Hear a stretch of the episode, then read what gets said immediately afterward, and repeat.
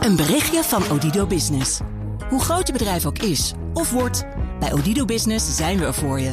Met unlimited data en bellen en met supersnel en stabiel zakelijk internet. Ook via glasvezel. Ontdek wat er allemaal kan op odido.nl/slash business. Het kan ook zo. Houston, contact with a test one. Touchdown confirmed.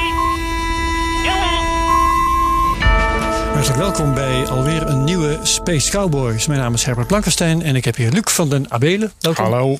En Michel van Baal. Goedemiddag. Hoi.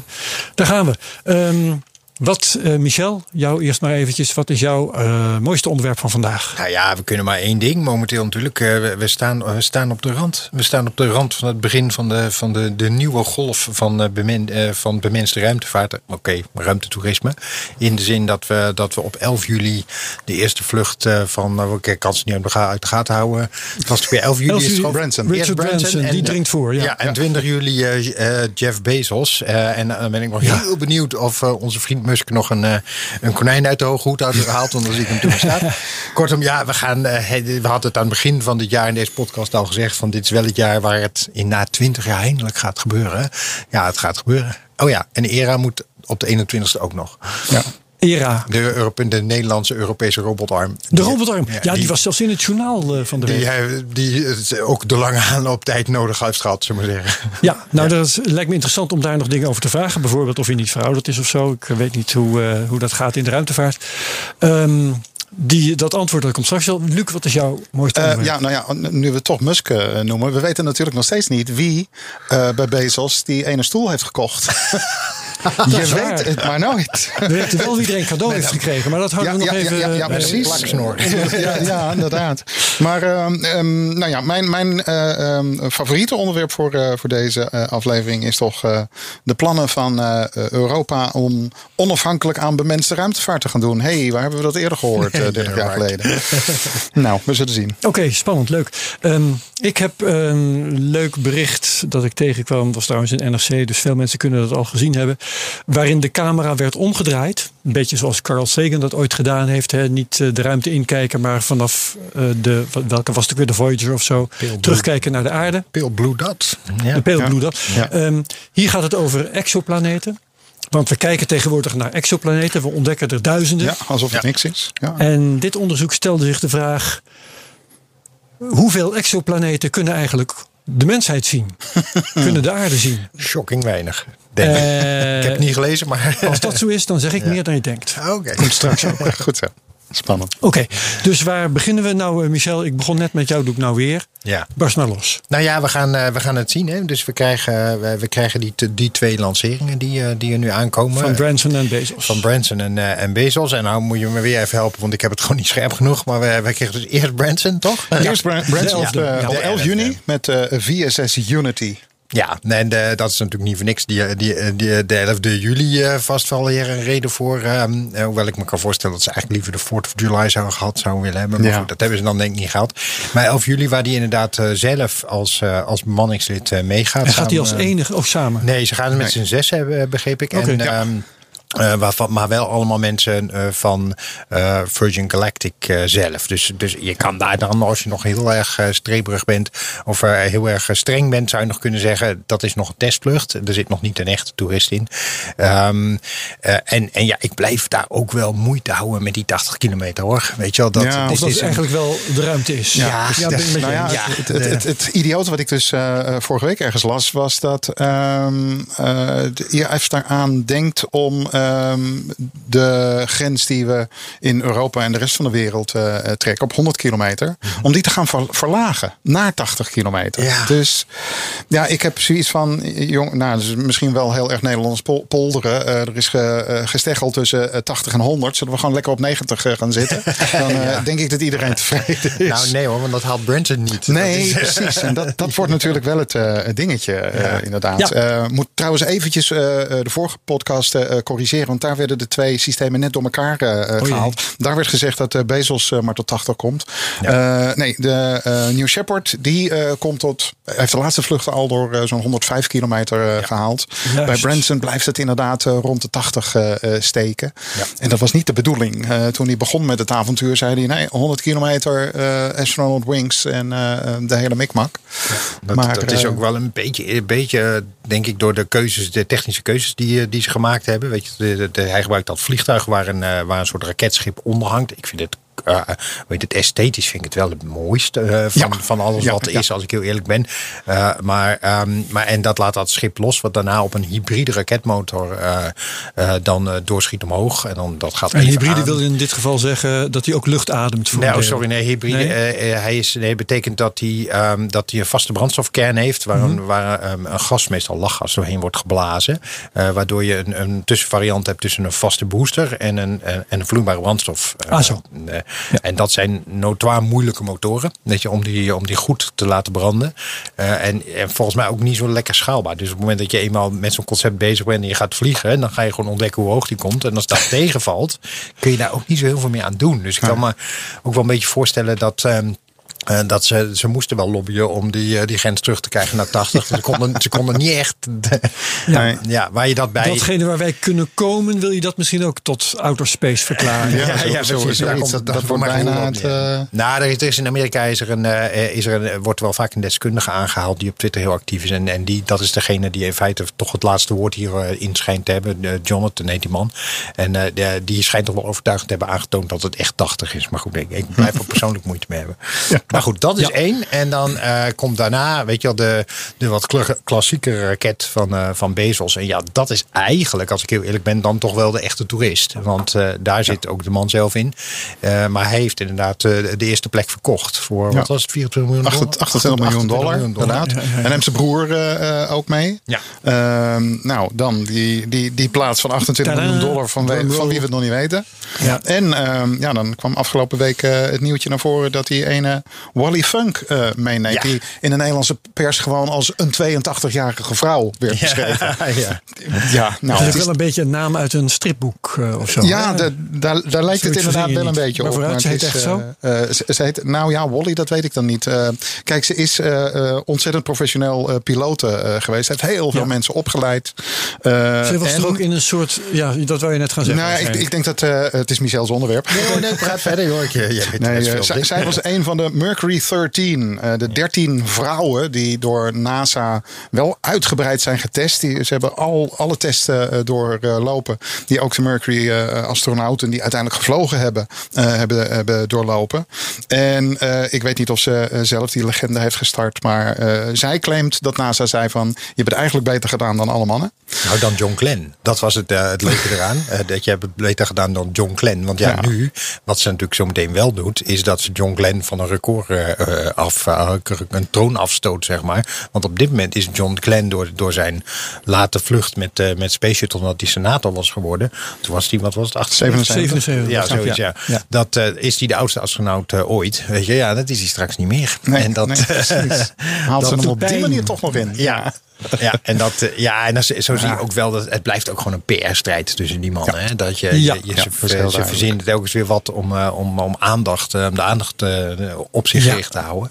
Ja. En daarom vind ik het ook zo opmerkelijk dat we niks van Musk horen momenteel hier in, in, dit, in dit gevecht. Nee, nou, hij heeft het natuurlijk een beetje druk met van alles. Daarover straks nog, eh, nog meer. Maar Dogecoin. ja, ik weet het niet. Mis- Misschien heeft hij inderdaad eh, zoiets van: jongens, eh, eh, mijn, eh, mijn doel is Mars. En eh, tegen de tijd dat ik daar naartoe kan vliegen, horen jullie eh, me weer. me, ja. Ik, En, kan, me- ik, ik ja. geloof daar niks van. Ik, heb er, ik verdenk hem er wel van dat hij op zijn minst moet hebben overwogen. Dan kan ik er op, eh, op 9 juli nog een crewdriver voor duwen, zeg maar. Dat is, ja, want dan weer zijn, als hij zou willen, zou hij dat best kunnen. Ja, ja, ja hij, doet, hij doet hele gekke dingen. Wat ik jullie Dus, wil eh, voorleggen, nu we het over al die CEO's hebben. We weten dat ruimtevaart niet vrij is van risico. Mhm. Hoe onverantwoord is dit? Dat eh, Bezos en Branson hun bedrijf in de waagschaal stellen door zelf in die raket te gaan zitten. Tja, nou ja. Want die, met, die, met die Virgin Galactic is al een keer een, een of twee- een piloot omgekomen. Ja, ja inderdaad. Tijdens eh testvluchten toen ze erachter kwamen dat ehm, eigenlijk de opleiding van de piloten niet goed genoeg uh, was. Um, dat Spaceship Two heeft uh, die hele opmerkelijke manoeuvre. Als die uh, de damkring weer gaat, gaat binnendringen na een paar minuten gewichtloosheid. Dan klapt hij als het ware in tweeën. Die, die, vleugels en de staartdelen die worden in een hoek van 90 graden met de romp gebracht. dat is een manoeuvre die de piloot handmatig moet uitvoeren. Maar niet voordat de motor uit is. En daar is dus uh, uh, kennelijk een van de piloten in de war geraakt. Uh, ook omdat, nou ja, inderdaad, juist door die, de aandrijving. Het is geen kalmlopend motortje, de boel schudt heen en weer. daardoor is kennelijk een, een van de piloten een beetje gedesoriënteerd geraakt. Ehm, zijn, zijn timeline kwijtgeraakt. En heeft die hendel te vroeg overgehaald. Nou, toen is het ding gewoon door aerodynamische krachten uit elkaar gespat. Ja. een van de twee is er uitgeslingerd en heeft het overleefd. Nooit meer in de gezien trouwens. Ik heb geen idee hoe het met die man uh, gaat. Maar de andere is inderdaad uh, uh, omgekomen. Maar we moeten niet vergeten dat Branson natuurlijk eigenlijk op zijn visitekaartje avonturier heeft staan. Precies. Hij heeft hele idiote dingen gedaan. Vluchten, ja, ja inderdaad. record oversteekt met een jacht over de Atlantische Oceaan. hij heeft zich met van alles bemoeid. Zelfs ooit, zelfs ooit een keer in de superbus, weet ik nog. nou, kijk aan. Dat, ja, nee, dan. Ja. Ja, ja, ja, Over risico's nemen gesproken. dat zijn mijn woorden niet. Maar, maar, uh, ja, maar even, even uh, uh, meer serieus. Het is natuurlijk wel als je dit product ook daadwerkelijk wil verkopen. Weet je ja. En dat, dat ja. willen ze, hoewel ik het nog steeds idee heb dat Dan is dit wel de manier, ga je zeggen. Ja, dan moet je natuurlijk, dan is de beste manier om, om te laten zien. Ik heb er vertrouwen in, zelf in gaan zitten. Als ik moest kiezen, was het simpel hoor. Ik ging onmiddellijk bij Bezos in zijn, in zijn, in zijn ding zitten. omdat ik enerzijds dus dat, dat andere systeem is veel complexer wat, ja. uh, wat Branson heeft. En als het complex is, kan het stuk. Weet je, en als het stuk gaat, ga je dood. Weet je, zo simpel is het. En, dat, ja, en die hybride motor is wel gewoon in de ruimtevaart een heel omstreden ding. In de zin, die hebben de, de, de, uh, de, bijvoorbeeld de neiging op, om te kunnen gaan stotteren. Weet je, dus dat ze gaan uh, in, haperend gaan, gaan, gaan branden. Ja, als dat gebeurt, dan klapt de hele boel uit elkaar. Weet je, dus die, dat zal, ze hebben we heel veel mee getest. Dus zal, het zal wel ergens betrouwbaar zijn. Maar ik heb dan een heel fijn gevoel bij. en inderdaad, wat je zegt er zitten heel veel van die handelingen in. Terwijl het bezels gebeurt is gewoon met vloeibare brandstof omhoog. Nou, dan kun je uitzetten. Weet je, als het misgaat, zet je hem uit en dan kom je naar beneden. Dat kan onaangenaam worden, maar met, dan kom je met de parachute weer naar beneden. Sowieso, ja. dat is het systeem, weet je. Dus het, is, het is wel um, rudimentairder. Maar ja, ik zou voor de veiligheid, en net zoals ik vroeger ook, als het me vroeger had gevraagd, ging ik bij, in, in een Soyuz zitten en niet in een Space Top. om dezelfde reden. Ja, ja precies. Nou ja, het is, uh, kijk, uiteindelijk uiteindelijk wordt het. Uh, welke ervaring wil iemand uh, meemaken? Inderdaad, het, het voordeel van, ja. uh, um, van Bezos is: je bent astronaut, je bent ja. boven die 100 kilometer geweest. Je gaat echt met een klassieke raket de ruimte ja. in en je zit naast mega grote ramen. Je hebt een ongelooflijk uitzicht. En um, het nadeel is alleen, het is een ritje van 10 minuten. Ja, ja en bij, uh, bij Branson, ja goed, dat hoort dan niet echt tot de ruimtereis. Maar je moet eerst naar uh, 15 kilometer hoogte uh, cirkelen. Dat is iets. Mm. Je bent iets van 2, 2,5 uur bezig. Dus daar heb je weer meer ervaring. Maar het is gevaarlijker, kleinere raampjes en maar 80 kilometer. Dus ja, um, het is een beetje appels en peren uiteindelijk. Ja, want het zijn gewoon enorm verschillende systemen. Ja, waarbij de vraag überhaupt is, weet je wel, kijk, hoe, hoe lang gaat dat goed? Want dat is natuurlijk wel de de, de echte vraag, kijk, waarschijnlijk gaat dit wel goed. Weet je, dat uh, statistisch gezien uh, zullen deze vluchten goed gaan. Maar als je hier echt een businessmodel van wil maken en je gaat dit honderden keren doen, ja, dan komt dan gaat het zeker keer, een keer fout. Ja, dan ja, komt er statistisch een keer een moment dat het verkeer gaat. En, en dat is altijd mijn zorg geweest bij deze, bij deze nou ja, ontwikkeling die ik al twintig jaar volg. Weet je, dat je op een gegeven moment bij een punt komt, weet je, als het dan misgaat en dan gaan mensen dood, want dat is het. En dat, dat is wat waar we het heel erg niet over hebben in deze discussie. Ja. wat blijft er dan nog van je businessmodel over? Weet je wel? Want mensen, ja. mensen willen wel een avontuur, maar ze willen niet dood. En ja, dat is. Uh, ja.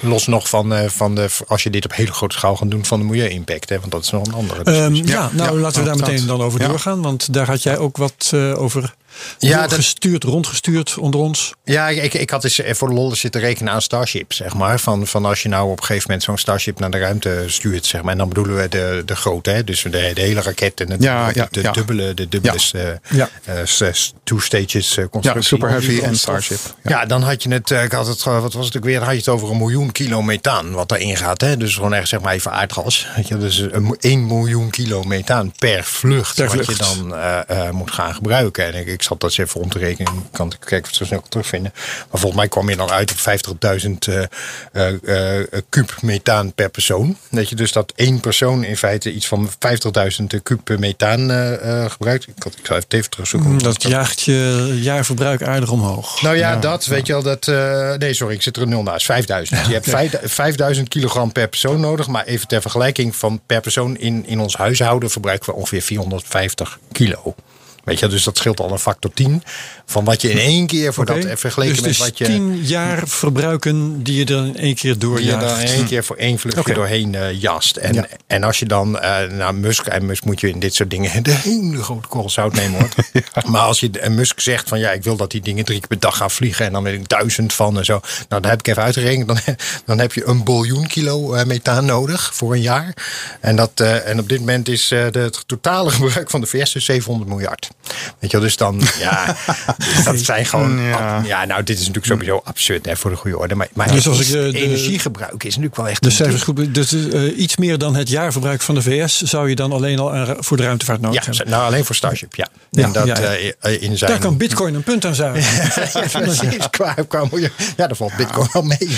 Ja. Maar, en dan is ook wel weer de, eh, de, het interessante, of eigenlijk ook wel een beetje spannend eraan, is dat we ook eigenlijk helemaal niet weten wat de ruimtevaart met het milieu doet. Hè? Want eh, het is niet heel makkelijk te vergelijken met, eh, ja, als je heel veel, gewoon dit, wat laatste absurde hoeveelheden, en dan, dan gebruik je zoveel, ehm, hoe heet het, eh, brandstof, dat dat natuurlijk een gigantische footprint heeft. Nou, Dat is duidelijk. Alleen wat het nou precies met het milieu doet, met het klimaat doet, is, mm, weten we eigenlijk nog helemaal niet zoveel van. Want er, zijn ook theorieën dat zo'n raketlancering ook een afkoelend effect op de, op de aarde heeft. Omdat je namelijk in de hoge atmosfeer, zeker bij vaste brandstofraketten, Water zitten dumpen. Nou, niet zozeer water, dat maakt niet, heeft niets voor impact. Maar je, eh, je, doet, je gooit er ook eigenlijk best wel veel aluminiumpoeder in. Dus eh, aluminiumdeeltjes en, en heel veel zwarte koolstof. Dus eh, eigenlijk onverbrande koolstof. En die hebben dus allebei een, eh, een effect op hoeveel zonnestraling er uiteindelijk op het. eh, ehm, op het, ehm, op, eh, hoe heet het? Aardoppervlak. op het aardoppervlak komt. En dus eigenlijk is dat deel daarvan is waarschijnlijk koelend. Weet je wel? Dus het, op, ik heb ergens een berekening gezien waar leek dat als je dat echt in dat opschaalt naar iets van 400 lanceringen per jaar. Wat natuurlijk nog niet zo heel veel is. We zitten nou denk ik, wat is het, 200 zoiets? Ehm, Ik weet niet precies. Nee. ja, orde van grootte. Ja. Maar, daar, maar dat, dat, dat je dan ongeveer hetzelfde klimaateffect hebt als de hele luchtvaart. Weet je, maar dan de andere kant op. Weet je, dus, maar, maar dat is dan wel alleen even dat, dat koelende effect in de, Ja, in de troposfeer. En niet, Ja, niet eh, ja, ja. enorme energiegebruik op de grond. Hè? En bovendien is het erg gevaarlijk, vind ik dan persoonlijk, om de ene verstoring eh, te gebruiken als compensatie voor de andere Ja, verstoring. ja, dat, dat dat, wordt, is eh, natuurlijk het, het fundament ervan. We weten je maakt namelijk geen niet. verstoringen Nee. ongedaan. Nee, je doet er eentje bovenop. Ja. Ja. En we weten niet wat het doet. Want dat is één modelletje, één modelberekening die ze is gedaan hebben. Maar feitelijk weet je helemaal niet wat als je echt die, zoals Musk wil, die, eh, nou nogmaals, vergeet even de, Precieze vluchten van hem. Maar, Ja, ja. maar als je het echt gaat opschalen naar een veel hoger niveau, ja, we weten niet wat het impact op het klimaat is. Maar het is, het is onbekend. En dat vind ik toch ergens wel spannend hoor. Ja. En hoe, hoe realistisch is oh, ehm, het idee om eh, ehm, eh, de, de Super Heavy en Starship met eh waterstof-zuurstofmotoren uit te rusten? Nou, daar, hebben ze, daar zijn ze in, begon, in het begin mee begonnen. Ehm, en, maar uiteindelijk dat, ehm, hebben ze de, de ontwerpafweging gemaakt om over te gaan naar methaan. En er waren een paar argumenten. eh, eh, er zijn een paar technische argumenten die ik niet eh, paraat heb. Ehm kan ik op terugkomen. Er zijn technische argumenten waarom je één van die twee wilt. Het is een afweging zeg maar, met voor- en nadelen.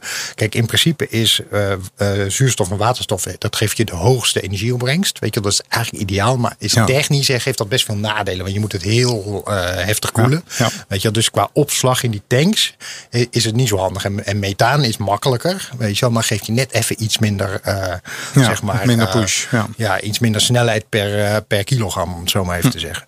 Alleen, het, wa- het wat er ook meespeelt, is dat je methaan in theorie methaan op Mars voorkomt. Dus vanuit de gedachte ja. van Musk, weet je, dat je dat ding naar Mars brengt en je daar dan de brandstof wint, dan Ja. is methaan wel een soort van slimmer, ja. Hoewel, de, ik vind het hele idee al absurd. Maar als je het zo Ja. doet, is het logisch dat je Ja. methaan doet. Ja. Alleen, dus ze hebben uiteindelijk nu voor methaan eh, eh, gekozen. Ja, dat, eh, dat, die, die, die wat is het, Raptor engines, die, die draaien op methaan. Ja. Goed, nou, eh, we zullen het even melden bij Greenpeace. En, eh, kijken hoe dat dan verder afloopt. Kijken of die met vinden we kunnen gaan praten. veel erger. Eh, dat is natuurlijk ook zo. Ja, veel gevaarlijker ook. Luc, Ja, ehm, bijzondere eh, verhalen over, eh, over ESA. ESA heeft een eh, ehm, nieuwe directeur sinds eh, kort, meneer Aschbacher. En ehm, die begint ineens allerlei tweets eh, er rond in te sturen van eh, ja, als Europa een beetje wil blijven meetellen in de ruimtevaart, maar zelfs als economic power, dan zullen we toch echt onafhankelijk aan bemenste ruimtevaart eh, eh, moeten de- kunnen doen. Ehm, nou ja, dit is een, een beetje voortbouwend op een, eh, een paper die door eh, het ruimtevaartbureau van Frankrijk werd gepresenteerd, de CNES, op een grote conferentie in, in Moskou een, een paar weken geleden. Waarin werd onderzocht of ehm, Ariane 6 een capsule zou kunnen lanceren met astronauten vanaf de lanceerbasis in Guyana. En ehm, eigenlijk blijkt er niet zoveel in de weg te staan. Ehm, ja, afgezien van de paar miljard euro die je no- nodig hebt om iets dergelijks eh, eh, te ontwikkelen. Ik vind het een hele eh, opvallende. Eh, want het is niet voor het eerst dat, eh, dat Europa dit, eh, dit oppert. Dan kom ik weer met mijn stokpaardje Hermes. In de jaren 70, eh, 80 eh, en nog net 90 eh, eh, heeft Europa daar heel hard aan gewerkt. Om te komen tot een soort mini space shuttle. Nou, te ingewikkeld, te duur. En uiteindelijk bleek ook gewoon de politieke wil eronder uit te vallen. En ja, ik vraag me af, is dit niet gewoon een opmaat naar een herhaling van, van dat scenario? Ehm, ik moet wel zeggen dat, dat het op allerlei plekken nu lijkt te gebeuren. Dat er eh, de, de concepten van 1977 weer uit de kast worden eh, gehaald. Eh, er wordt ook gesproken over weer over fabrieken in de ruimte. Kleine ruimtestations die commercieel Ja, ja, gebruikt kunnen worden. Ehm, destijds is daar ontzettend veel energie in gestoken. Bleek de vraag in de markt er gewoon niet te zijn. En ik, ik kan me nu inderdaad ook niet helemaal voorstellen waarop dit gebaseerd is. Ehm, ISS vliegt en vliegt nog best een aantal jaren. Eh, er wordt eh, gesproken over de wil om het misschien tot 2028, 2030 door te trekken. Maar de techniek moet het maar houden. Eh, er zitten voldoende scheurtjes in de Russische basismodule om je daar toch een beetje zorgen over te gaan, eh, te gaan maken. En dan komt Europa straks misschien met een capsule die erg lijkt op eh, wat we in de jaren 60 al eh, deden. En dat duurt een tijdje voordat je dat getest hebt, eh, als we al beslissen het te doen en voordat die operationeel is. En dan hebben we misschien helemaal geen bestemming meer om er naartoe te vliegen. Ehm, en verder wordt ook gezegd van ja, onafhankelijkheid, eh, ehm, waar zou je hem voor nodig hebben? Er komen nu allerlei commerciële eh, capsules op de, op de markt. Eh, je hebt alle voordelen en niks van de, van de hoofdpijn van de infrastructuur. Space as a Service. ja, precies. Die kant gaan we toch, toch ontzettend op. Ehm, maar ja, deze, deze nieuwe ESA-directeur lijkt die push, die propaganda, die lobby echt te willen, te willen opstarten. En ik ben verdraaid benieuwd wat daarmee gaat eh, gebeuren. Ik vind het, eh, ik vind het erg on-ESA. eh, zeker Ja, gezien ja, ja. de ervaring met, keer met. Hermes. Ja, ik, ik was al heel erg benieuwd naar de reactie van Michel. Zeg het maar, Michel. Daar zal ik eens beginnen. Ja. Nou ja, ten eerste, ten eerste is dit- deze directeur, eh, eh, misschien wel nog even de helder zetten. Deze directeur is niet zo heel nieuw. In de zin dat eh, deze man al heel lang directeur eh, van ESA is. In het verleden was hij directeur aardobservatie. Toch best trouwens een succesvol deel van, eh, van eh, Ja. Europese samenwerking. Werd wat complexer toen de EU erbij kwam. Maar desalniettemin, we hebben met de ERS-serie Envisat en zo. Nou ja. Eh, dus ehm, eh, deze man heeft een hele lange historie verbinden. Maar is nu inderdaad de directeur-generaal. Ja. eh, de, de hoogste baas. Ehm, En uh, ja, wat je zegt over Hermes, dat klopt natuurlijk ook wel. Weet je, Ariane 5 die we nu hebben, is, is eigenlijk een, uh, het verkeerde ontwerp in alle eerlijkheid in, de, in, uh, in ruimtevaartland. Want Ariane 5 is, is geoptimaliseerd op het lanceren van Hermes. Weet je, daar is die voor geoptimaliseerd. Oh ja? Ja, oh, ja dat is niet toch. Die zijn samen ontwikkeld. En, die, en, en, dat betekent dat je bij Hermes moet je, moet je naar een lage baan. En dat betekent dat je eigenlijk gewoon zo, zo hard mogelijk door die onderlaag van de atmosfeer heen wil. En dan gewoon nog eens snelheid opbouwen. Nou, ja. dan kies je dus voor één core. En uh, twee boosters aan de zijkant. Uh, het rare is dat Ariane 5 is vervolgens in zijn carrière, zeg maar, vooral telecomsatellieten gaan lanceren. Ja. Na 36.000 kilometer. Nou, als je dat optimaliseert, heb je gewoon een drieschapsraket nodig. Weet je, daar is het Ariane ontwerp eigenlijk helemaal niet zo handig voor. Weet je, dus, dus je ziet dat, je heel dat het ding heel succesvol is geworden met het verkeerde ontwerp eigenlijk. en dat, maar daar, daar zie je inderdaad die geschiedenis van Hermes, waar die voor ontworpen was. Maar overigens, eerst hij ingenieurs in jaren, wat was speelde, wanneer speelde dit, jaren 70 of zo, denk ik. Ook van zeiden van we willen een, um, uh, een capsule van het type uh, Apollo, weet je wel, zo'n soort uh, capsule. Maar dat mocht niet, want de Fransen, de grote financier van ESA, die wilden per se een ruimteschipje. Waarom? even niet doorvertellen dit verhaal. omdat de toenmalige Franse president, die, die stond erop dat hij hoogstpersoonlijk de astronauten, als die uit het vliegtuig kwamen op een Frans vliegtuig, vliegveld, ja, dat hij ze dan wel een hand kon geven. Ja, dat kan niet met een capsule of zo? Ja, misschien was hij nog de goal? Ik weet het niet. Dat, dat, oh, ja, ja. Die details ben ik, ben ik in het sappige verhaal, wat ik natuurlijk bij derde hand gehoord heb. Dus of het echt waar is, weet ik niet. Maar dat, uh, maar dat heeft, en zo zie je dat zo, dit soort politieke dingen, uh, en dat zou best vaak kunnen zijn, zo'n proces als het ware de, de kant op sturen, waar dat vervolgens niet goed gaat. Nou, wat speelt er volgens mij nu? Dit, dit gaat gewoon over geld. Want ja, dus wat ESA uh, volgens mij geprobeerd heeft met, um, uh, met die um, uh, Engelse astronaut. Ze hebben een Engelse astronaut, Piquet. Piek. Piek, zoiets. Um, aangenomen. Wat eigenlijk een hele rare keuze was, omdat Engeland nauwelijks bijdraagt aan het Europese bemande ja. ruimtevaartprogramma. Dat is een facultatief programma, daar ja. kan je als land op inschrijven. Met zo'n overweging hebben jullie, een van jullie heeft die pas nog zitten vertellen, of, of was het misschien Arno, dat um, Nederland weinig kans maakt. Ja. Ja, nou om die reden ja. Om astronaut ja. te mogen leveren. Ja. ja, en dat, maar wat ESA nu een beetje lijkt te gaan doen, maar dit is speculeren hoor, maar lijkt te gaan doen is dat ze door het aantrekken van nieuwe uh, astronauten ook proberen om landen te verleiden om meer in dat bemand ruimtevaartprogramma okay. te Werkt het andersom? Ja, ja, ja, ze draaien het om. Nou, dat heeft, in het geval van Piek heeft dat heel slecht gewerkt. dus, maar, binnen is binnen. Ja, maar ze zijn, uh, je ziet dat ze een beetje los, losgaan van het, nou ja, de klassieke landen die Italië, Frankrijk, uh, Duitsland geloof ik, die de Um, die dat uh, bemande ruimtevaartprogramma financieren. Uh, nu aan het kijken zijn om, nou ja, op, op andere manieren te vinden om daar dat geld voor te halen. Want ESA heeft gewoon traditioneel moeite volgens mij uh, om dat, uh, die funding op peil te houden. Ja. En dat speelt hier denk ik mee. Dat ze op zoek zijn naar ja, wat voor ambities kunnen we met welke mensen, weet je wel, wat, wat voor nou ja, wortels kunnen we in feite voor de Europese regering hangen om ja. daar geld uit te krijgen. Ja. Weet je? En dat, uh, ik denk dat je het zo moet lezen. Nou ja, ik, ik, ik kan me ook wel voorstellen dat het, dat het erg veel te maken heeft met, met ook de opkomst van, van de Chinezen. Um, het is natuurlijk een enorme blikvanger, nog altijd. Uh, ook als je, als je kijkt naar, uh, naar Duitsland en Frankrijk. Uh, op het ogenblik is er weer een Franse astronaut aan boord van, uh, van de ISS. Die krijgt extreem veel exposure op tv in de Franse kranten. En Duitse astronauten, ja, die, die hebben ook gewoon fans onder, het, onder het volk. En zeker onder, onder de jeugd. Dus um, ja, prestige lijkt eigenlijk gewoon weer een beetje terug te komen in, in ja, de bemenste ja, ruimtevaart. Denk ik. Nee, nou ja, ik, ik kreeg wel ontzettend de indruk dat uh, uh, de shuttle, ja, iedereen uh, die, die zag dat ding om de maand vliegen. Er was eigenlijk helemaal niemand meer van, van onder de indruk. Nee, dat, dat, dat was nooit gehaald hoor, om de maand, maar oké. Okay. Ja, ja, dat was, spreken, ja, het, het leek routine. Maar we, we, weten natuurlijk heel goed hoe het effect dat André Kuipers hier heeft gehad. Ja, precies. Inderdaad, is nog steeds niet van het Italiaanse, die Italiaanse dame die zoveel op YouTube was, waarvan ik de naam niet meer weet, maar Italianen natuurlijk wel. Ja, precies.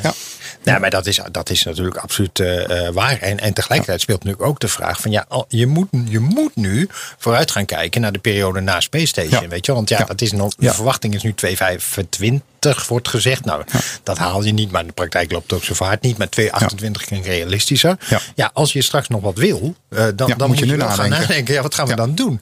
Weet je, want anders ben je op een gegeven moment heb je wel astronauten, maar waar moet je dan nog naartoe? precies. Weet je, dus ik, ik snap best dat ze daar op dit moment een serieus vraagteken bij hebben staan. En, Ja. en een serieus werk van willen. Maar dan zou Ja. dus eigenlijk ehm, een eigen Europees ruimtestation een slimmere keus zijn dan een eigen Ja. Europees vervoermiddel. Nou ja, mis- mi- mi- misschien eh, eh, komen we weer op die Chinezen te- terecht. Eh, een paar jaar aanhaakt. geleden zijn er ehm, een paar ehm ESA-astronauten.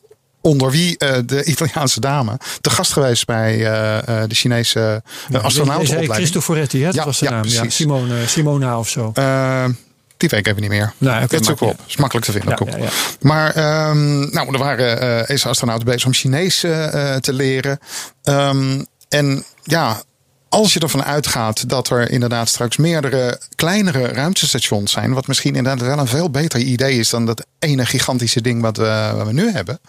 Ehm, ja, als je er dan voor zorgt dat eh, dat internationale eh, koppelsysteem nou eens een keertje werkelijkheid gaat worden. We- standaard.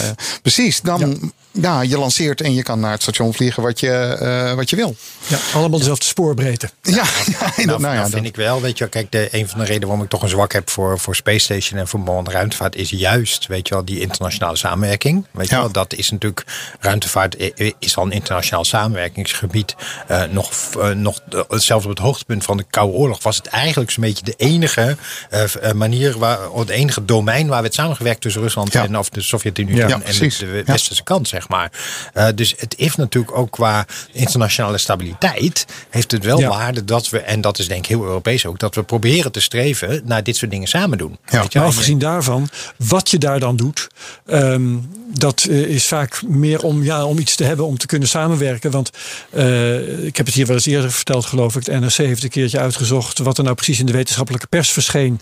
eh, aan hoge status publicaties over wat er in dat ruimtestation gebeurt. Nou, dat is beperkt. zeer teleurstellend. Ja, nou, dat is heel beperkt. En dat, maar, daar, Dus je kunt wel samenwerken, maar wat je daar, waarin je samenwerkt Ja. is nog een beetje moeilijk. Dat heeft ook wel te maken met het tijdpad hoor. Dat het gewoon heel lang duurt momenteel om wetenschappelijk onderzoek eh, te kunnen volbrengen op, eh, Ja. op Space Station. Dus er zijn wel wat verzachtende omstandigheden. Laat ik dan even de rol van. Ja. Eh, maar inderdaad, kijk, als je gewoon kijkt naar wat het kost en, en, en wat het wetenschappelijke opbrengst, daar is het zeker niet goed genoeg voor. Nee. Maar ja, ik heb altijd het gevoel gehad van ja, ik bedoel, we maken hier op aarde een beetje puin op van. Maar daarboven zitten, zitten een, moeten we een aantal mensen bij elkaar in, in, in leven houden die, wat is het, eh, 60 jaar geleden of 70 jaar geleden een bloedige puin op van deze wereld hebben gemaakt. Ja. Weet je, met alle Ja. Nationaliteiten bedoel ik, weet je wel. Dus Ja. het feit dat je als landen in zo'n project waar je nou ja, heel symbolisch als het ware je, je elkaar in leven moet houden, dat vind ik toch nog wel grote waarde hebben hoor. Ja, precies. Nou ja, goed.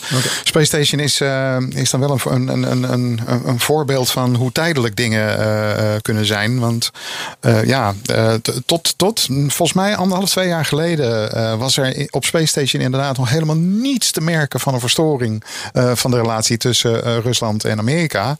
En ja, als je nu baas Roscosmos eh, eh, uitspraken hoort doen, ehm, ze hebben er allemaal niet meer zoveel eh, zin in. En nou ja, goed, eh, ja, het voert misschien een beetje ver, maar de, de, de wereldorde is ook gewoon aan het verschuiven. Ja, ja, ja.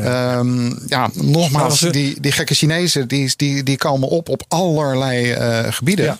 En nou hoorde ik laatst ook wel weer eens eh, iets eh, dat eh, de relatie tussen China en ESA niet meer zo warm is als die twee jaar eh, Hm. eh, geleden was.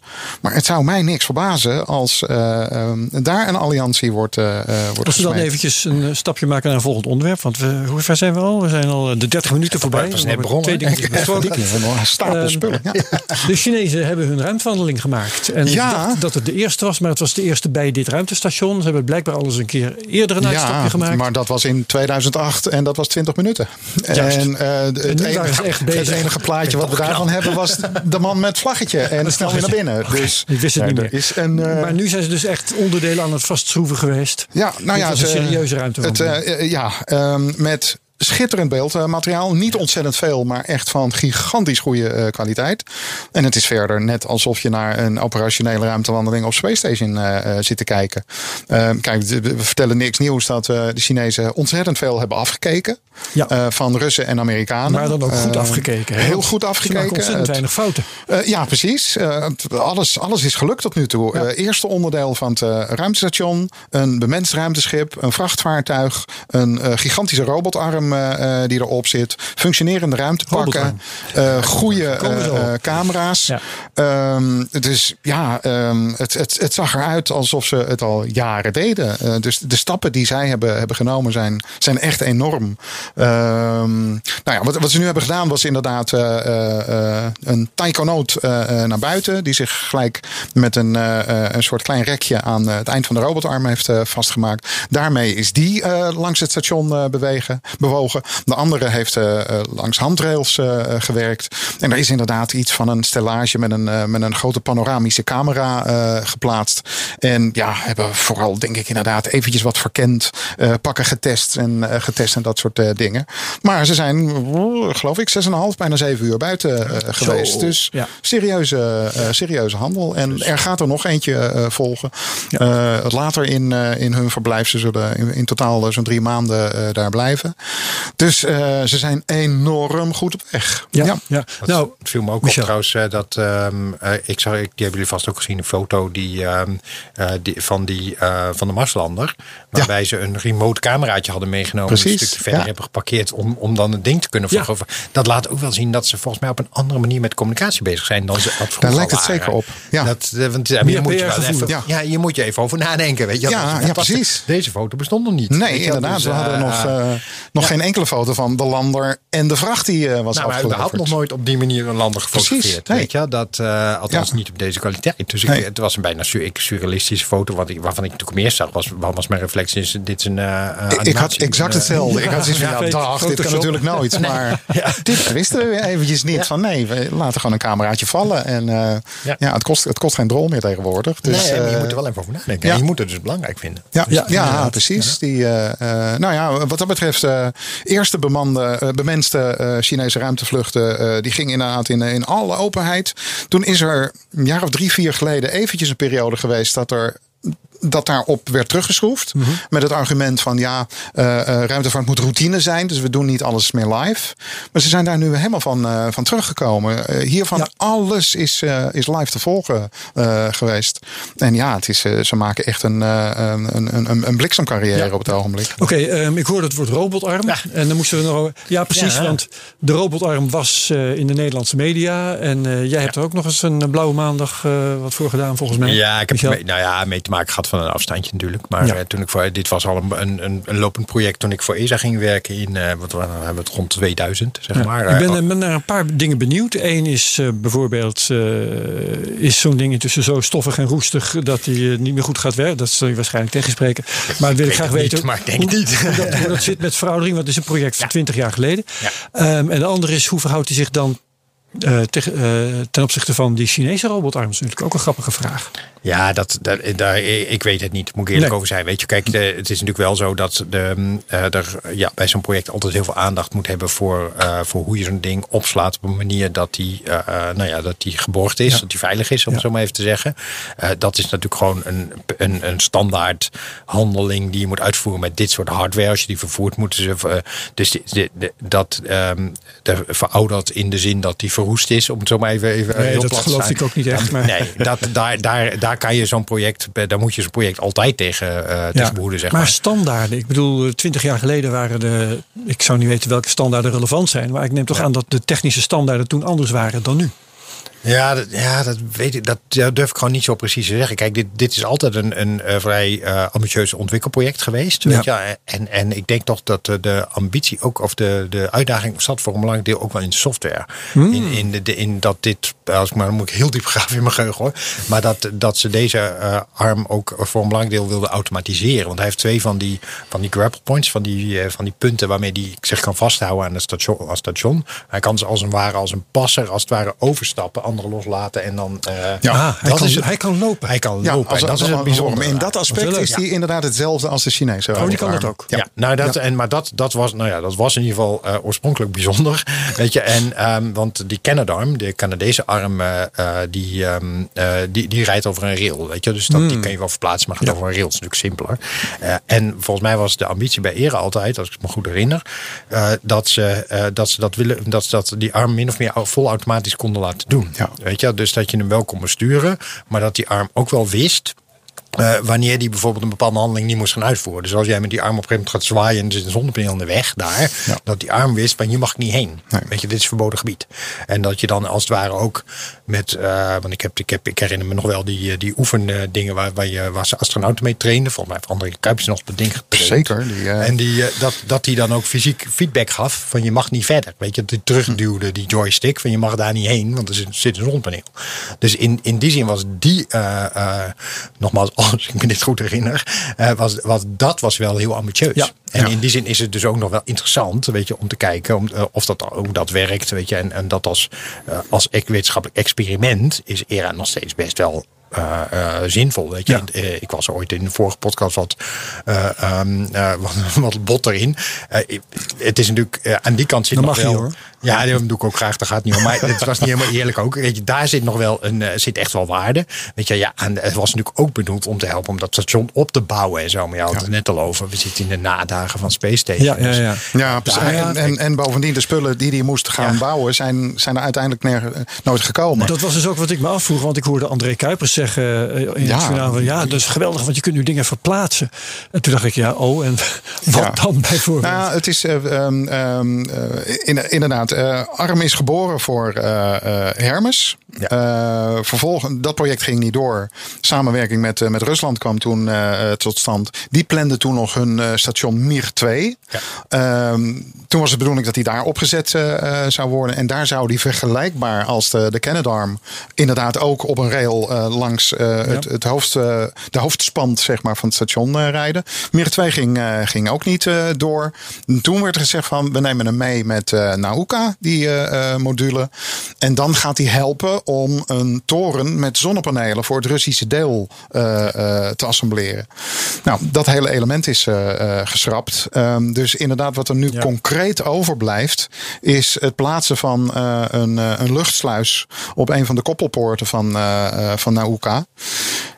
En verder weet ik het eigenlijk niet. Nou, een van de, ja, wacht even. Er is nog één heel belangrijk ding wat je verplaatst met zo'n robotarm. Dat is mensen.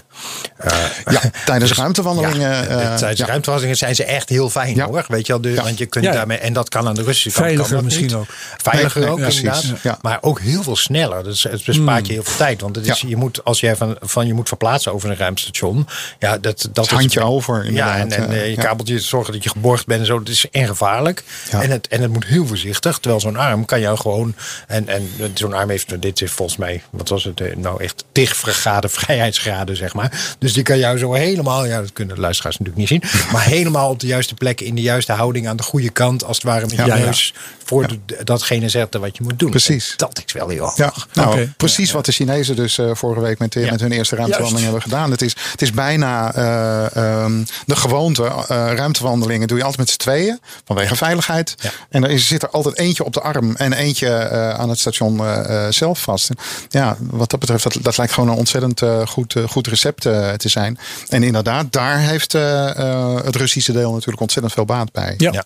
oké. En nou moeten we Ehm, alleen, nou ja, we afwachten. Weet je, het, nogmaals, ik, ik zit nog wel met, want het is nu één- op het moment dat wij deze podcast opnemen, 21 juli volgens mij, de, Ja, de lanceerdatum. Hij is wat naar achter geschoven, een dag vijf. Ja, dat is een heel stom foutje Ja, heel dom. trouwens. Ja. Maar dat is ook wel een beetje het punt. Dat de hele Nauka-ding, wat, wat was ooit een, eh, een backup module van de allereerste bouwsteen van het ruimtestation, eh, volgens mij. Of, en die, va- ehm, dus dat ding is echt oud. Daar hebben ze dingen mee gedaan. Daar, daar zijn dingen mee gebeurd. Weet je wel. Met, en ook stommiteiten mee uitgehaald. wa- Waardoor het echt een nachtmerrie werd om, dat, eh, eh, om, om die ooit nog te kunnen lanceren. En nu waren ze inderdaad toch wel weer eigenlijk kenmerkend. Volgens mij ergens een stukje MLI vergeten op een start. Ja, precies. En dat, ja, de- dat, was, dat was te zien op de foto's die Roscosmos Ja. naar buiten had gestuurd. Daar zat zat een expert naar te kijken die zei: hey, hier ontbreken stukjes. Ja. Nou, het ding was inmiddels eh, eh, op eh, ehm, eh, het laatste stuk van de raket gemonteerd, de neuskegel eromheen. Dus hij is weer teruggegaan, ze hebben alles weer uitgepakt. En ja, Nou ja, wel vrij belangrijk. Want die starttrekkers die zorgen Absoluut. ervoor dat jij... dat, dat ding moet natuurlijk op een gegeven moment wel gaan koppelen. Dus die, je lanceert hem in een baan. En dan moet hij daarna moet hij heel voorzichtig naar zichzelf, naar de Space Station toe navigeren. Ja, daar, die starttrackers, die, dat zijn eigenlijk je oriëntatiepunten Ja, voor je software. onmisbaar. Ja, die, die, die, je houdt één specifieke ster hou je gewoon in je vizier. En dan weet je, de- deze as heb ik nu stabiel. Weet je, dan draai ik niet. Ja, als die dingen het niet doen, dan... ja, het is wel een module van 20 ton. Die wil je niet eh, tegen, tegen het station aan beknallen. Kortom, eerst zien dan geloven. Maar Ja, ik ja, zeker Vooral waar. voor, Ja. eh, eh, voor Ja, de hij gaat voor er de trouwens een week over doen na lancering om bij het station aan te meren. Dus eh.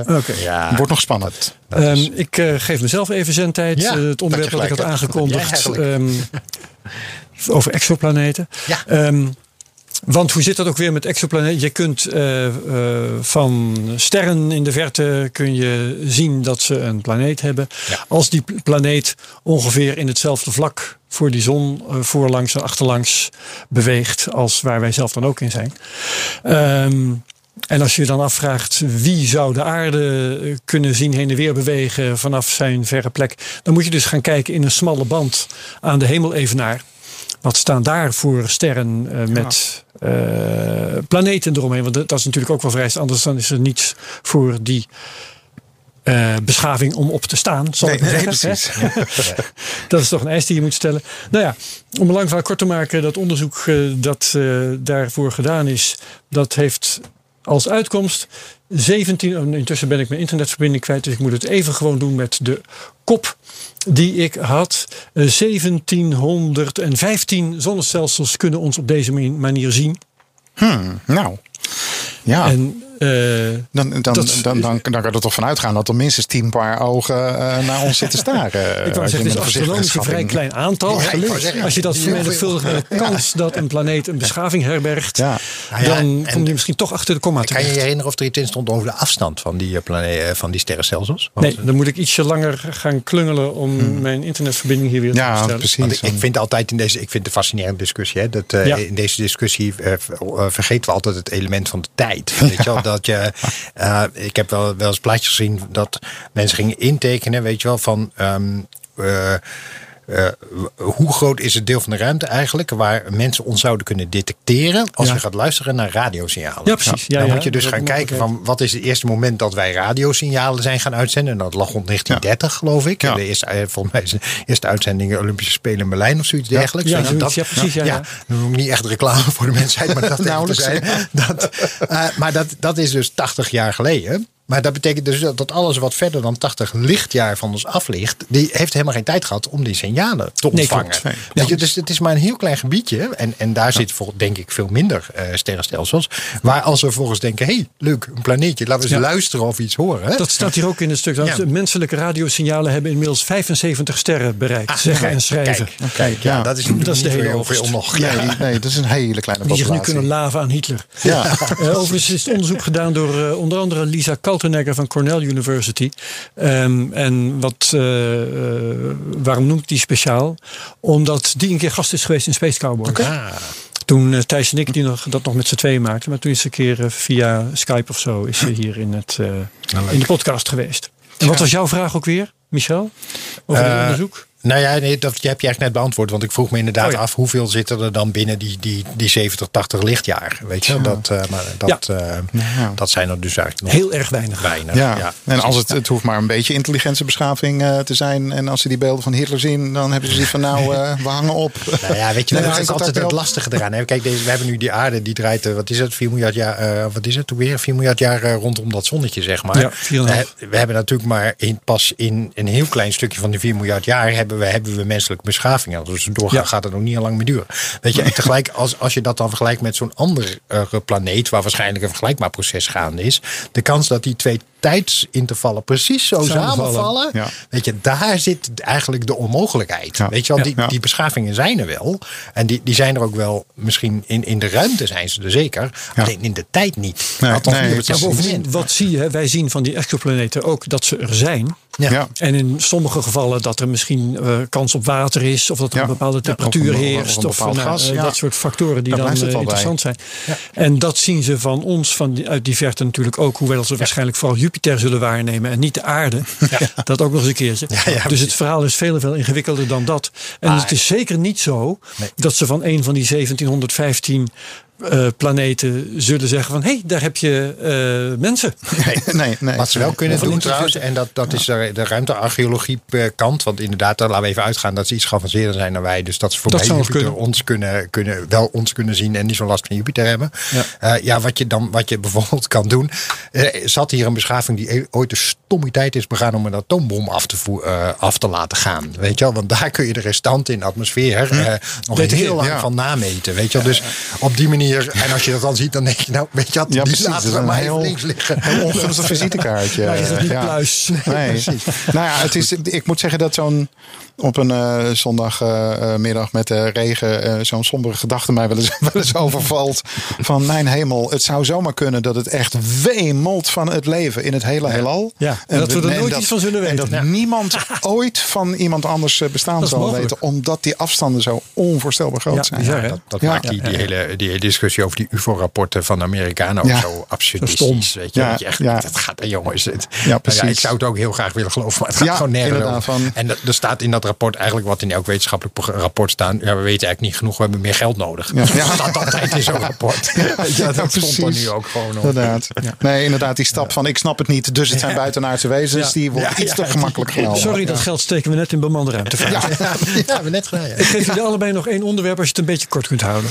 Nou, potverdikkie. Luc Eh, eh, mag, ik, eh, mag ik dan twee, nee, drie hele korte dingetjes doen? Oh, dan als heel... Je, Ja, je mag ja, de mijne precies. hebben als ik, als ik door je heen mag praten. ja, dat, eh, altijd, Als altijd. jullie gewoon tegelijk... eh, nou ja, Ja. nee. Ehm. Japan wil in 2024 een zonde naar Mars sturen. Die in 2029 eh, Marsstenen op aarde terugbrengt. Oh ja, Ehm, nou, sample een, eh, return. eh, ja, precies. En eh, eh, ja, NASA is daar natuurlijk mee, eh, eh, mee bezig met, eh, met Perseverance. Maar eh, alleen maar de, deel 1 die verzamelt van alles. Legt wat Ja. buisjes met spullen Zet neer. emmertje alvast klaar. En, Ja, en dan gaan we wel zien wie, het, wie het komt ophalen. dus, nou, die Japanners, misschien dat ze dat even erbij ja, kunnen. nou ja, precies. Misschien komen ze daar wel, ben ik wel benieuwd op naar het design van zo'n missie.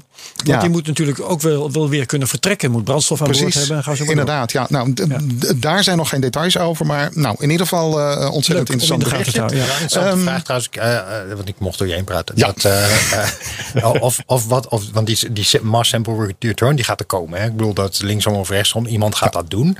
Eh, of dat eerder is dan dat er een mens zo- zijn voet op Mars zit. Dat Ja. zit ik, ik, ik denk nog, ik neig nog naar ja, maar ik weet het niet helemaal zeker. Nou ja, als dat niet zo is, dan is het niet zinvol. Want die mens gaat toch Ja, al nou rotsen ja, dan, heb je altijd nog het trucje van misschien zijn die Mars-samples die onbemand worden gehaald wel eerder op aarde terug dan de bemenste missie. Ja, De, ja, de Russen hebben dat ook met Apollo 11 geprobeerd. Hè? Die eh, net voor de landing iets, eh, eh, voordat Neil Armstrong terug was, in handen te hebben, is niet gelukt. Dus Oké, nee, nou goed. Next. Ehm, China, ja, we, we houden er niet over op. Ze doen ook gewoon ontzettend veel, ehm, ontzettend ambitieuze plannen om een krachtcentrale in de ruimte te gaan ontwikkelen. Volgend jaar zou er al het een en ander getest moeten worden. Maar wat Ehm, gaan ze dan precies opwekken? Ehm, energie. Eh, gewoon grote zonnepanelen op, eh, ophangen. En dat eh, heel simpel eh, via een microwave of lasers naar aarde stralen. Dat Dus, ja, ja. Oh ja, dat, dat dat ons Geen kosmische laadpaal, maar Nee, inderdaad terugsturen. Ja, precies. Eh, nou, in 2030. Dat is een concept dat al Jawel, decennia lang precies. circuleert. Je, je, Maar je- volgens mij fun- telkens tegen het fundamentele eh, stukje aanloopt, dat dat laatste stukje Ja. door de atmosfeer niet zo eenvoudig is. gevaarlijk Nee, is. precies. Nee, Ja. dat is. eh, Want als je per eh, ongeluk op Amsterdam richt, wordt iedereen gekookt. Nou ja, ja, het is- b- bijvoorbeeld. Of eh, er vliegt even een passagiersvliegtuig doorheen. Dat gaat Ja. het ook niet eh, ongeschonden eh, overleven. En- dus en, nou ja. eh, gewoon de efficiëntie ook, weet je wel. Van hoeveel, hoeveel procent van je, van je energie kun je daadwerkelijk dan op aarde ontvangen. Ja. Weet je, nou ja, dat, precies. eh, Kijk, eh, terugverdientijd misschien? ehm, ze, ze, ze willen dan inderdaad rond 2030 een, eh, eh, een station hebben wat al eh, megawatts kan eh, leveren om uiteindelijk in twee- eh, 2050 een heel groot eh, ding eh, te hebben hangen. Zo groot dat ze er 100 lanceringen van de Lange Mars 9 voor nodig hebben. En de Lange Mars, 100? ja, de Lange Mars 9 is eigenlijk de Chinese eh, Saturnus 5.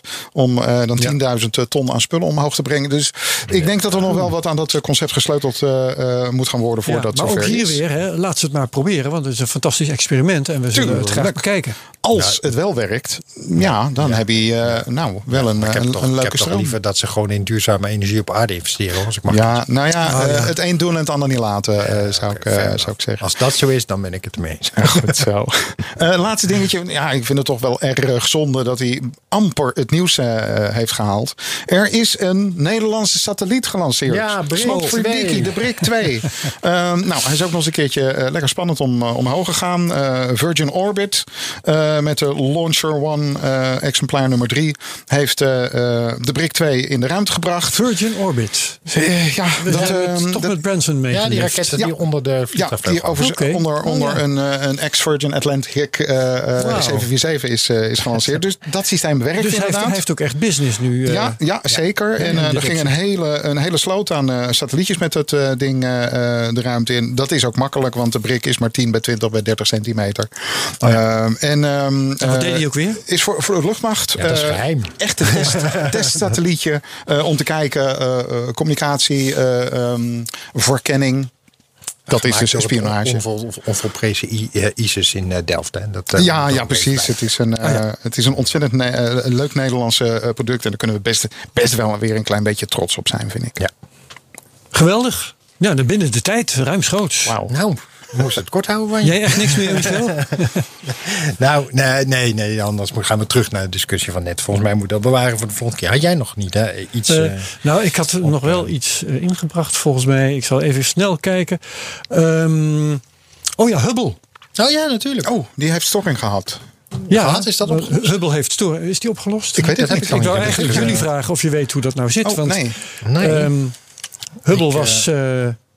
Even kijken. Ja, weer in een, in een safe mode eh, eh, Ja, teruggeschakeld. precies. Ja, dat- de, de vraag was eigenlijk vooral, dacht ik, wat daar nou aan de hand is.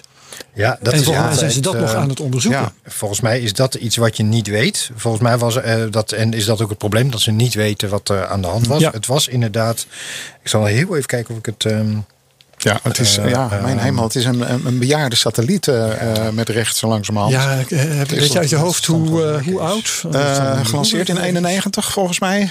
Ja. 90 of 91. En toen eerst eh, al die problemen door die eh, verkeerd geslepen spiegel. Die toen echt op won, be- bewonderenswaardige wijze is, eh, is opgelost. Waardoor het, eh, eh, nou ja, die, die telescoop in staat is geweest om, om de meest weerzinwekkend mooie plaatjes te Lancering te 24 maken. april 1990. Ja. En eh, nou, er zijn drie of vier missies met de, met de shuttle naartoe gegaan. Eh, inderdaad, eerst om die optische problemen op Ja, te lossen. Vervolgens om nieuwe generaties zonnepanelen eraan te hangen. eh, nieuwe apparatuur aan boord eh, te brengen. Maar ja, de laatste jaren komt het steeds vaker voor dat hij eh, inderdaad in zijn safe mode eh, eh, komt. En, Ja. ehm, En de ene gyroscoop naar de andere begaf het toch ook? Volgens ja, mij, eh, precies. Volgens mij lukt die standregeling nog net. Ja, maar dat gaat nog net, ja. ja, het, is, eh, ja het, het, het houdt een keertje op eh, eh, natuurlijk. Ja, dat willen we is- allemaal niet, maar dat gaat wel een keer gebeuren. Nee, het is, het is, ik zit heel even snel te checken, maar het, is dus, het was inderdaad de science computer en dat gebeurde wel vaker. Dus die de, de data van de verschillende ehm, eh, instrumenten als het ware managed, eh, bij elkaar brengt. Eh, dan moet je natuurlijk sowieso, hè, weet je wel, eh, de- de- hij was lancering 1990, deden jullie net geloof ik. Dus Ja. dan hebben we het over eh, eh, computertechnologie die nog minstens twee generaties ouder is dan dat. Ja. Dus dan hebben we het ergens zo, eh, eh, nou dan, dan zitten we nog, eh, nog voor de, de eerste, eh, hoe heet het, eh, de, zo'n beetje de technologie van de eerste thuiscomputers. Weet je wel? Dus, dus we hebben het hier echt over een heel Commodore antiek, weet je. 64, ja. Nou ja, ongeveer dat level, weet je wel. Dus eh, ik meen me te herinneren dat ze, dat ze hebben een backup. Maar, maar dat ze, eh, een van de mogelijkheden is altijd gewoon dat je overschakelt naar de backup. Maar het gevaar daarvan is dat als dat ook niet werkt, Dan ben je ben je weg. de Sjaak. Ja. Weet je wel? Dus, eh, dus dat is iets wat ze, waar ze, nou ja, als ze niet weten wat er aan de hand is. En dus ook niet weten of het eh, in de backup zit. En er schijnen wel problemen geweest zijn met, eh, eh, met software updates die problemen veroorzaakt hebben, zeg maar. Want dat heb je dan, eh, dan, dan ook. Maar als je niet weet of het aan de andere kant hetzelfde probleem is, ja, dan kun je niet over. Weet je wel? Dat Nee. als het gewoon hardwarematig iets kapot gaat, en dat kan natuurlijk wel, fameus voor je. eh, eh, eh, Een voorbeeld altijd een van die twee Voyagers. Die, eh, daar ging, eh, die heeft een 8-bit computer, nog oudere technologie, een 8-bit Ja. computer in. Nee, oké, maar die is Ja. ook uit de jaren 70. Ja, precies. Maar daar ging op een gegeven moment één bit van kapot. En toen moesten ze het hele ding herprogrammeren tot 7 bits. De enige werkende 7-bit computer in, in, nou, in de wereld, wou ik zeggen. Maar niet in, in het heelal. Ja, ja, maar die werkt nu, hoor. die draait gewoon prima op 7 bits. Moet je dan even omprogrammeren. Ja. Dus dat, maar je moet weten wat er aan de hand is. Weet je? En dan kan je een oplossing Ja, zoeken. ja, En ze- ja, ja. Volgens mij weten ze niet precies waar het probleem zit. Nee, het is, dat, het is eh, behoorlijk stil geweest. eh, laten, Nou, dat is dan spannend. Ja, Eh, wat ik wel zie in Wikipedia, dat vind ik wel weer intrigerend. Daar staat een hele lijst data, die lanceerdatum bijvoorbeeld. Hoe gelanceerd met de Space Shuttle, bla bla bla. Massa zoveel, 11 ton. Terugkeer. Na 2030-2040. Ja. Maar eh, ik ben sowieso verbaasd dat er überhaupt een terugkeer voorzien is. Is nou, dat serieus? Ik, ik denk gewoon re-entry. Ja. Eh, hij zit Oh, natuurlijk niet in zo'n ontzettend hoge baan. Uncontrolled, denk ik En zelf. eh, eh, ja, er waren natuurlijk, eh, ooit Natuurlijk. die, die fantasieën dat eh, de Space Shuttle nog decennia zou blijven vliegen. Hij wordt niet en voorzichtig dat hij gewoon lekker naar aarde werd gehaald en in het Smithsonian werd, werd gezet. ja, maar ja. ja, dat, dat lukt niet meer. Dus ja, nou, en dat wordt, wordt ook nog een, eh, een grapje. Op Ja. het moment dat die echt laag gaan zitten, eh, waar Waar komt het neer? neerkomen? Ja, Eh, we hebben is, natuurlijk eh, al genoeg van dat soort eh, onbestuurde ellende gehad die terugkeert. Daar kun je Eh, van zeggen, hoe vaker het gebeurt, hoe groter de kans dat het een keer misgaat. misgaat. Ja, dat is natuurlijk tegenwoordig hebben ze daar wel veel meer aandacht voor. Maar ik vrees bij, eh, bij Hubble inderdaad, behalve dan het droomscenario, we brengen hem weer- omlaag Ja. met de shuttle. Hoewel ik niet eens zeker weet of dat kan hoor. Qua Nou, nu niet eh, meer. belasting. Nee, sowieso Nee, niet ja, meer. Maar dat is ook ook een überhaupt qua. Het, dus bij de shuttle komt het heel precies waar dan bij zo'n landing waar nou Precies. Het massamiddelpunt van die shuttle zit. Oeh, weet ja. je wel. En op het moment dat je daar een heel een loei van een. eh, 10 ton bij ik doet. weet helemaal niet of dat wel lukt. Maar goed, Nee. dat even te zijn. zal het zo- zo- zo- Nou, hoe hoog zit die? Want jij hebt de Wikipedia voor je. Heb- staat Hoe hoog zit eh, die? staat er- 569 kilometer. ja, dan heb je inderdaad wel eh, dat, dat je bij dit soort grote objecten, weet je, dat je wel. Het gaat heel lang duren voor die vanzelf beneden komt. nou ja, nee, het valt wel tegen, denk ik. Oh. Ja, ik- ja, dat hangt. Ik denk dat dat die termijn is eh, die eh, dat is gezet. Op het moment dat de gyroscoop het eh, begeven. Nog een jaar of 10, En je- 20. dan- Ja, zelfs, meer met- zelfs als die gyroscoop het niet begeven, weet je, Ja. dan op een gegeven moment komt hij gewoon naar beneden. Ja. Het, de enige en het punt is nog, het is nog, ja, ik wil zeggen, er zitten ook nog best wel veel zware onderdelen in en, en die, die met een soort barbecue effect best veel van die, eh, van die, eh, Die hitte kunnen eh, overleven, kunnen ja. opnemen. Dus eh, nee, ik, denk- ik denk dat, dat, dat ze daarmee na nog even niet over na moeten nadenken. Nee, Nou, Oké, we vol zijn. eerst James Webb. Ja, Eerst James Webb. En eh, nou, doen ze nou, heb je nog iets kunnen vinden of ze nou nog serieus gericht onderzoek doen naar wat daar aan de hand is bij Hubble? Om hem Nou. nog weer aan, aan te zwengelen? Wat ik zo even zag, maar ik weet niet of het de laatste informatie is, is eh, zijn ze nog druk bezig met, ehm, eh, Diagnostiek. met, eh, met zoeken waar. Ja. ehm, eh, en dat is van eind juni, dus ja. Maar ik zou er echt even in moeten duiken. Ja, maar ik heb nog niet gehoord dat hij het weer deed. Misschien ook volgende keer. Ja. Ik stel voor dat we het hierbij laten. Helemaal goed. Dat was weer gezellig. Oké. Luc van der Nabelen, bedankt. Michel van Bouw, bedankt. Graag gedaan. Luisteraars, bedankt. En heel graag tot over 14 dagen bij de volgende Space Cowboys. Tot dan. Doei.